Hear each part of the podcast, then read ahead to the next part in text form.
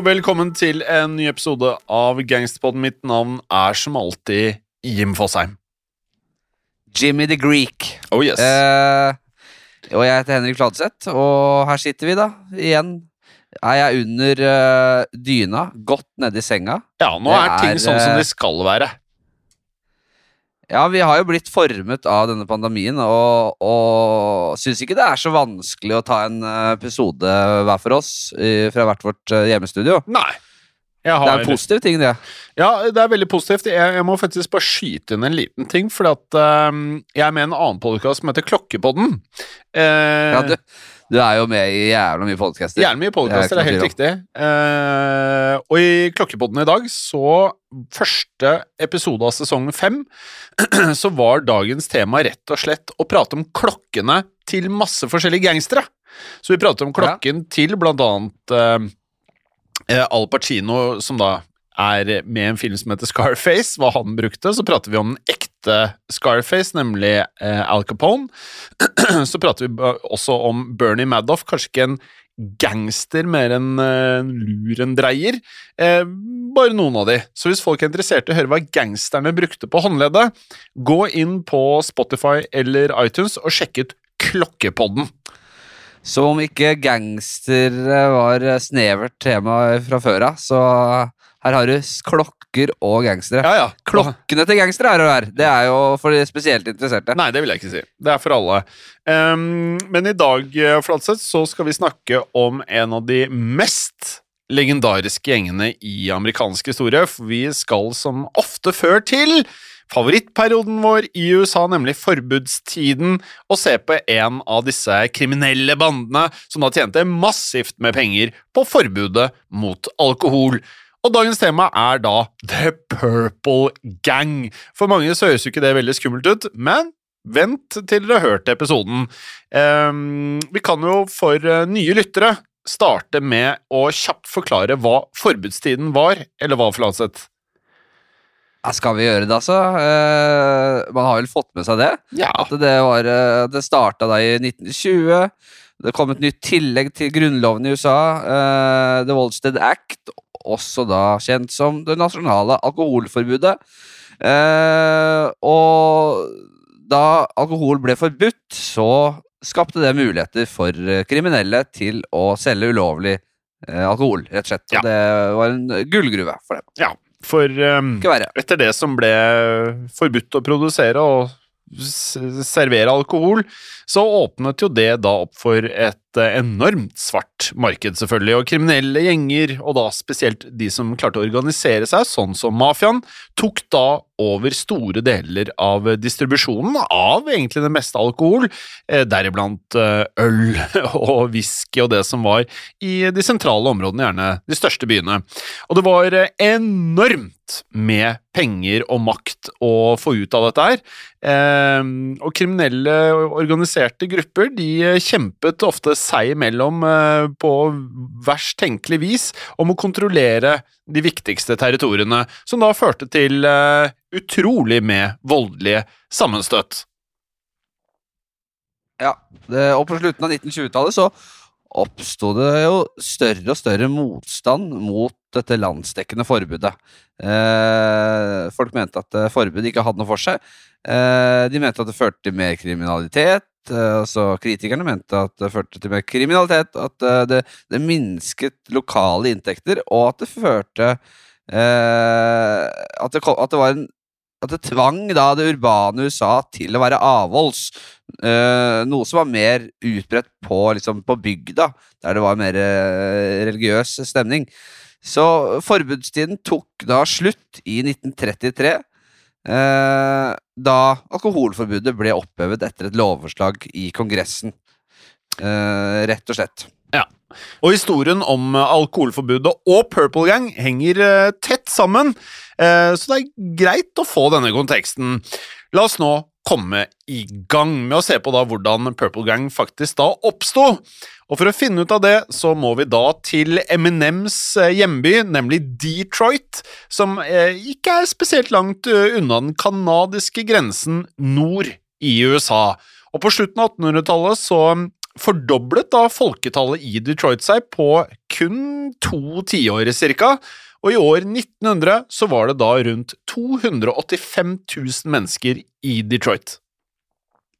Jeg liker hvordan du alltid skal smell, klemme inn disse denne hiphop eh, ja, Disse rapperne. Det er, det er så random for folk flest. Nei, det er Som ikke ikke det, vet at du er Og det er veldig random. Ja, er det det? At ja, det er, det er random. men Jeg, koser meg for så vidt med det. Men bare- uh, Bare så du vet, når du ligger under dynen her, Fladseth, så på en eller annen måte så hører jeg ikke alltid hva du sier. Jeg tror du har med dynen. Å ja. Der, ja.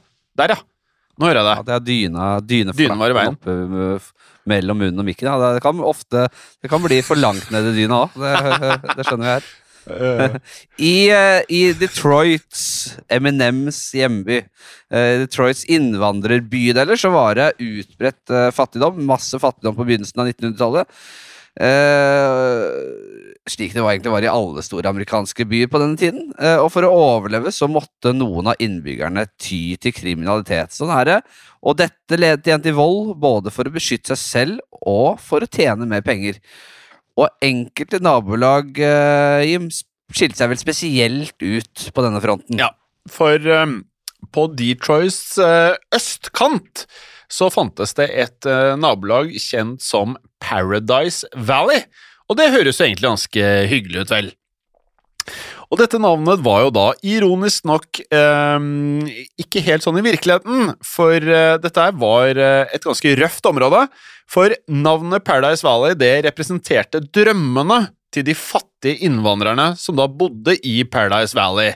Og disse drømmene de ble som regel da, som man vet, stort sett ikke oppfylt. Og det var et eh, fenomen av overbefolkning, det var sykdom, store mengder av kriminalitet, eh, og gjerne da skadedyr som florerte i Paradise Valley. Ikke et eh, sted man har lyst til å være nødvendigvis, Ehm, men også suksessfulle bedrifter, og også da musikk, klubber og barer var også å finne i disse områdene, selvfølgelig. Ja da, det var ikke bare skadedyr og dritt, det var også litt, eh, litt forskjellig. vet du. Godsaker. Paradise, ja, ja, det var litt godsaker også. Paradise Valley var eh, stedet der hovedmedlemmene da, i Purple Gang vokste opp. Og dette var kort sagt de jødiske brødrene Abe, Joe Raymond og Issy Bernstein. Eller Stein.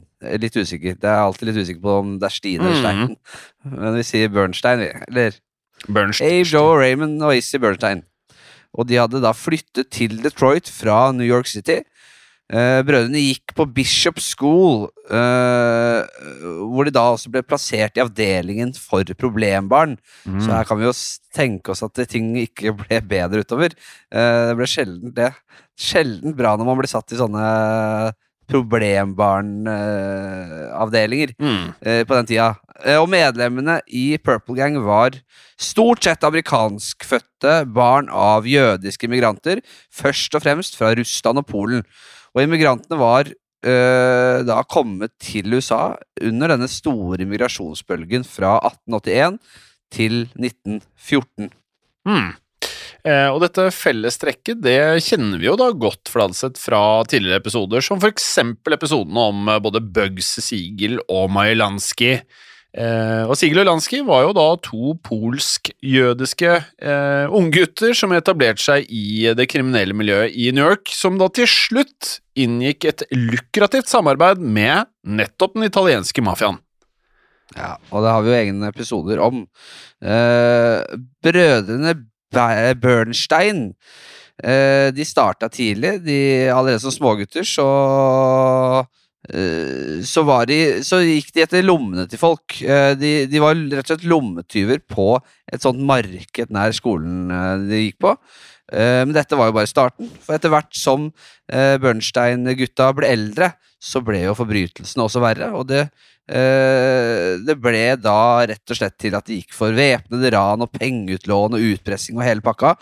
Eh, I starten så var Purple Gang kun en løs eh, sammenslutning av eh, selvstendige kriminelle, men gradvis, gradvis så ble denne gjengen til en enhet. Ja, klart det, Flasse. Et sted må det jo starte. Mm. Og Bernstein, eh, Bernstein, eller Bernstein, hva ble vi enige om? Stein, sier jeg. Bernstein-brødrene og um, stort sett alle de kameratene som de da oppholdt seg rundt, ble da først lært opp av de eldre gangsterne, Charles Lighter og Henry Shore, som da drev eh, den kriminelle organisasjonen kalt Oakland Sugar House. Og Purple Gang, Purple Gang beklager, ble derfor først kjent som Sugar House Boys, eller Sugar House Gang. Jeg kan like det navnet her, faktisk. Ja, det er ikke halvgærent. Det er ikke halvgærent. Og dette var jo noen år ut i forbudstiden. Eh, så litt ut på 20-tallet, da. Eh, og da var jo åpenbart, som vi vet, konsum og salg av alkohol forbudt i hele USA, men det fantes store smutthull for smugling. Detroit lå jo nemlig ved elva Detroit River, og på den andre siden så lå Windsor, eh, en, sånn, en havneby i Canada. da. Og man trengte jo da bare å frakte alkoholen rett over elva! Mm. Rett over elva! Og sånn ble da Detroit et viktig sted for smugling i USA. Ja, det ble det. Uh, Purple Gang de mm, begynte jo da karrieren sin med å kapre alkoholtransporter, som da var smuglet eh, av andre over den canadiske grensen. Og her, jeg nevnte jo i starten Al Capone, eh, som da var eh, ja, den største mafiabossen i Chicago på dette tidspunktet, han valgte da å bruke nettopp The Purple Gang for å levere Old Log Cabin Whisky. Og Al Capone han mente at dette var et eh, langt bedre alternativ enn å gå til krig mot nettopp Purple Gang. Så i et forsøk da på å kontrollere Detroit-territoriet, så valgte han heller å jobbe med de. Og på denne måten så ble Purple Gang eh, hovedleverandør av nettopp whisky til Capones eh, nettverk av barer i Chicago. Mm, og Purple Gang de ble også knyttet til flere henrettelser på åpen gate, også på mordet på en politimann. Abe og Raymond Bernstein de ble da arrestert, men ble siden løslatt da av mangel på bevis. Og det spekuleres i om politimannen de drepte, var en såkalt dirty cop. En da korrupt politimann som, eh, som de samarbeidet med, da. Mm. Eh, vi kan jo legge til at Purple Gang de forsøkte også å drive gamblingringer i Detroit, spesielt rettet mot eh, den afroamerikanske befolkningen. Og Purple Gang de var en eh, Altså, De var jo kjent for å være ganske voldelige, vil jeg si. Eh, som da var ofte i krig med andre gjenger. Og da gjerne gjengrivalerier som var knyttet til brennevinssmugling. Lite overraskende, selvfølgelig. Og avisene, som de gjorde med mange av gangsterne på den tiden, de var eh, tett på og fulle av historier om vold, drap etc. Eh, gjennom hele gjengens eksistens. Og Purple Gang de pleide til og med å kidnappe, og det har vi ikke hørt i tidligere episoder. Fladseth. De pleide å kidnappe andre gangstere for løsepenger, og da er du ganske gæren. Um, og et eh, grep som da ble veldig populært i denne epoken, etter at Purple Gang tok det i bruk. Og vi har faktisk heller ikke nevnt hvor navnet Purple Gangs kommer fra, har vi det? Eh, det tror jeg ikke. Nei. Eh, og her er det mange teorier. En versjon forteller at gjengen skal ha fått navnet sitt under en samtale mellom to selgere på markedet i Detroit. Uh, som begge da Begge selgerne var da ofre for gjengens utpressing. Og en selger kom med kommentaren The rotten. Purple like the color of bad meat. Uh, så at, det er jo en teori. Da er du råtten, det kommer rett og slett fra, fra at de er så råtne som da fargen på råttent kjøtt. Bederva kjøtt. Bederva kjøtt. Deilig. Men eh, på slutten av 20-tallet så regjerte Purple Gang over Detroits underverden, de, og de kontrollerte med det også byens bordeller. De kontrollerte gamblingen, og de hadde det, de, det meste av kontrollen over brennevinsmuglingen. De drev med hesteveddeløp, og også, omsider, så begynte de med narkotikahandel. Og Purple Gang de eh, jobbet etter hvert sammen med langt mer beryktede gangstere, eh, og gjengen endte med å forgreine seg til andre byer. Og Abe Bernstein han var da også en venn av eh, nevnte Meyer Lansky og New York-mafiabossen Joe Adonis, og sammen eide Bernstein, Lansky Adonis flere kasinoer i nettopp Miami. Er du over på Bernstein nå?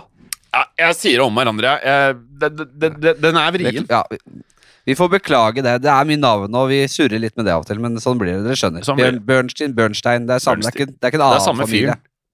Det er samme. Det er samme kar. Abe Bernstein, eller Bernstein, eller hva, hva det skal si.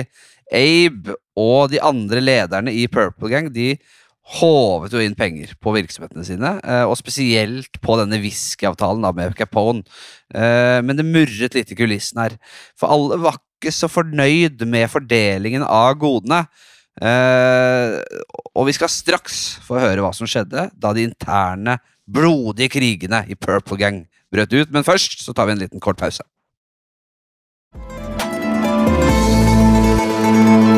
Før pausen så hørte vi at eh, Purple Gang kontrollerte all kriminalitet nærmest um, i Detroit mot slutten av forbudstiden. Og gjengen er beskrevet også som eh, kanskje den mest hensynsløse av alle spritmuglere i sin tid, og det sier ganske mye. Eh, De høyeste estimatene sier at så mange som 500 mennesker kan ha blitt drept av Purple Gang i løpet av Detroits gjengkriger. Det er høye tall. Ja, høyttall. The Purple Gang, også kalt The Purples, faktisk, kunne eh, styre Detroit nærmest uten motstand i det hele tatt. Eh, gjengens medlemmer var immune praktisk talt mot politiets innblanding, fordi alle vitner var jo livredde for å vitne mot enhver kriminell som var eh, tilknyttet eh, The Purples, The Purple Gang. Men Purple Gang ble angivelig eh, mer og mer arrogant og slurvete etter hvert som tiden gikk. Jeg fikk mye Mange penger, vet du. Ja da, det er ofte sånn. Mange purples kledde seg uh, ganske uh, i flotte klær, dro på byens utesteder. De ble godt kjent blant folk. de bodde i fine hus og hadde en sånn aura, romantisk aura, som skilte dem fra de andre gjengene i Detroit. De ble rett og slett litt for, uh, litt for glamorøse, da, kan du si. De fjonga seg noe fælt. Fjonga seg fælt, ja. Um, vi kan også legge til at når eh, tiden gikk da ved inngangen av 30-tallet, altså 1930-tallet, så ble Purple Gang um, rammet av noe som ofte skjer i denne line of business, nemlig en indre strid. Eh, og da gjerne styrt av sjalusi, det var store egoer, og med det så ble det krangel innad i gjengen. Eh, noe som da skulle få nærmest Purple Gang til å implodere. Slik at i 1931 så endte da en av disse indre konfliktene med at eh, tre av The Purples ble skutt og drept av andre i deres egen gjeng. Og de tre personene da hadde eh, angivelig brutt eh, underverdenskodeks ved å operere da utenfor territoriet som da ble tildelt dem av nettopp Purple Gangs eh, ledelse. Og det måtte de altså bøte med livet for. Eh, dette var for øvrig blant de aller første tilfellene der en av dine favoritter og mine favoritter eh, Fladseth ble brukt, nemlig en Tommy gun, altså dette maskingeværet vi har pratet om tidligere, ble da altså brukt for, Det er et av de første tilfellene av gjengdrap med denne gunneren. Dette våpenet som er synonymt med mafia.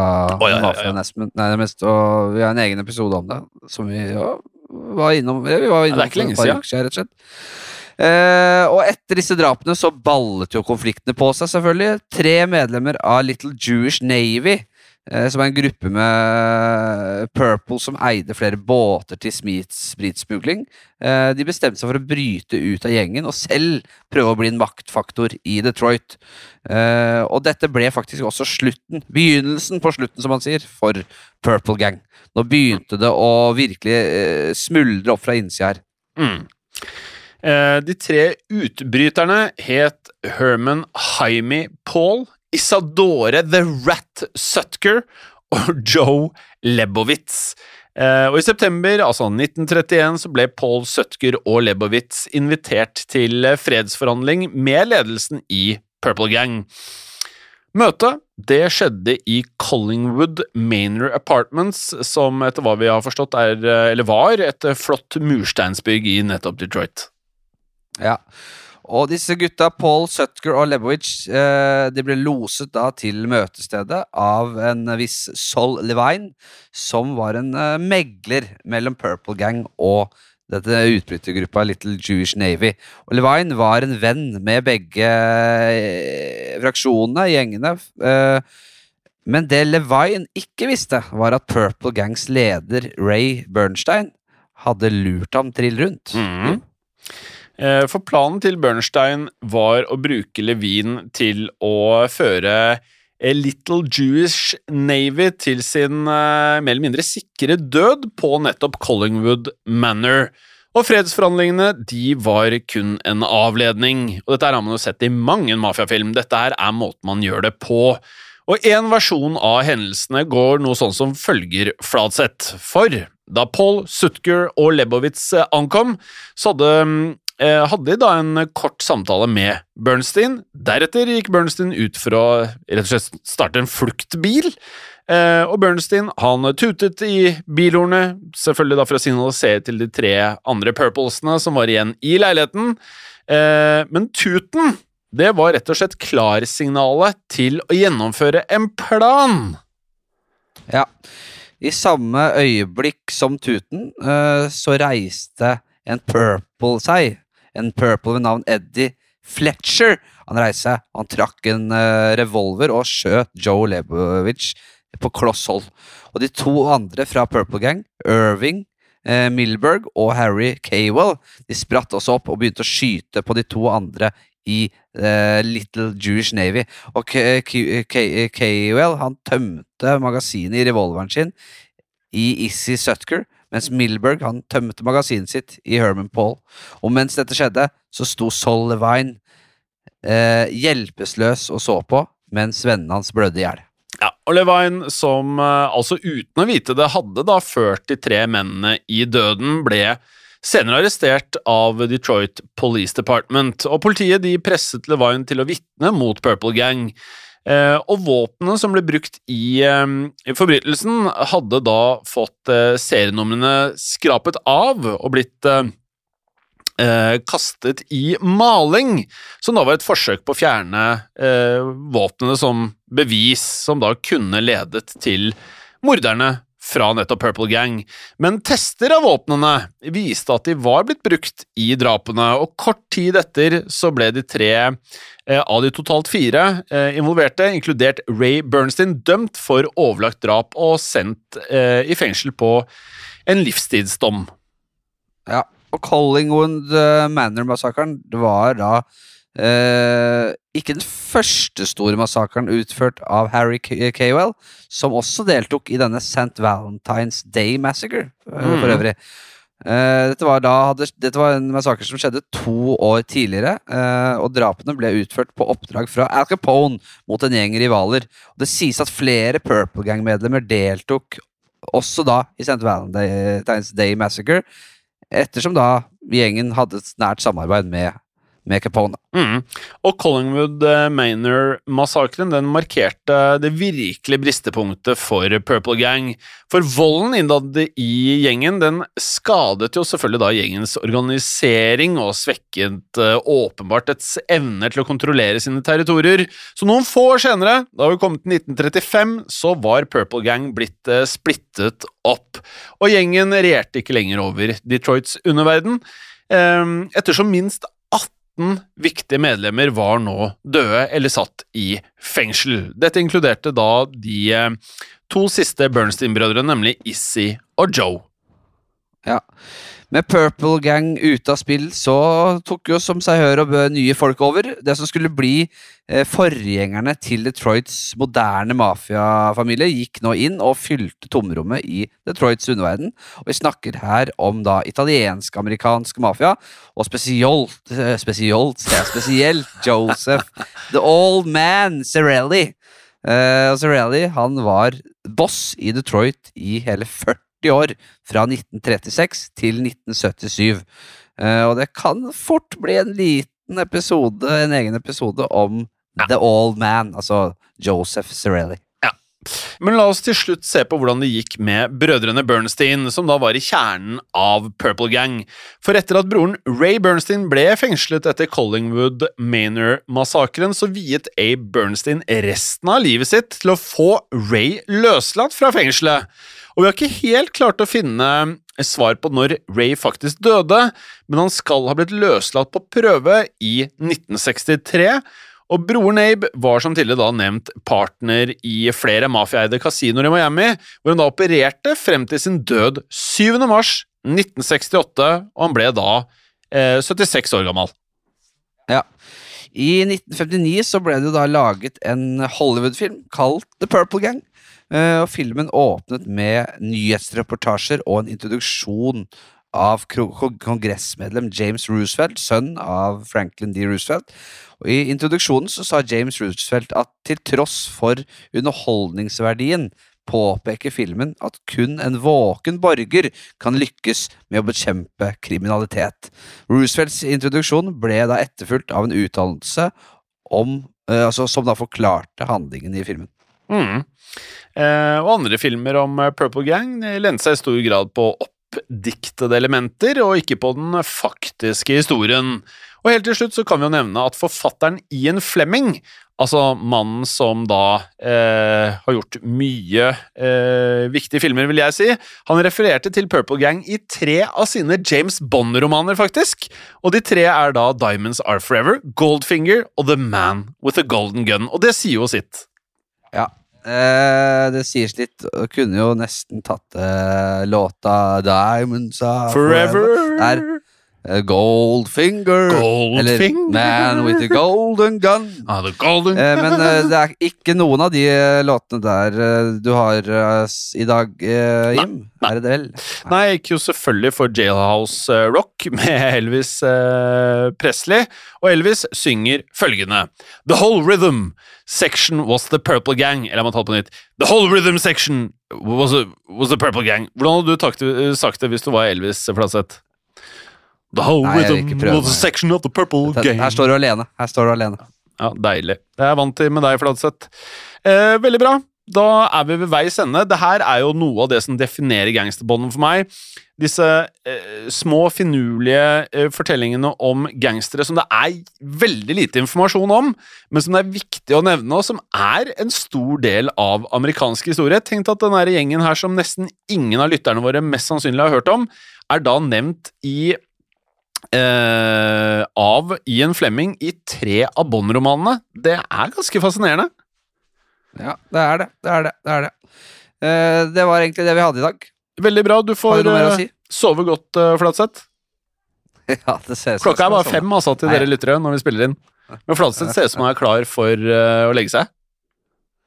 Ja, når jeg først er i senga, så må jeg jo gjøre det beste ut av det. Ja. Og ha kose meg mest mulig. Ja.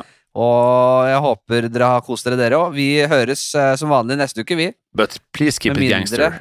Yes. Med mindre du har, drita ja, med mindre du har driti ut og blitt sånn over fiskene. Ja, men, eh, please keep it gangster. Ha det bra!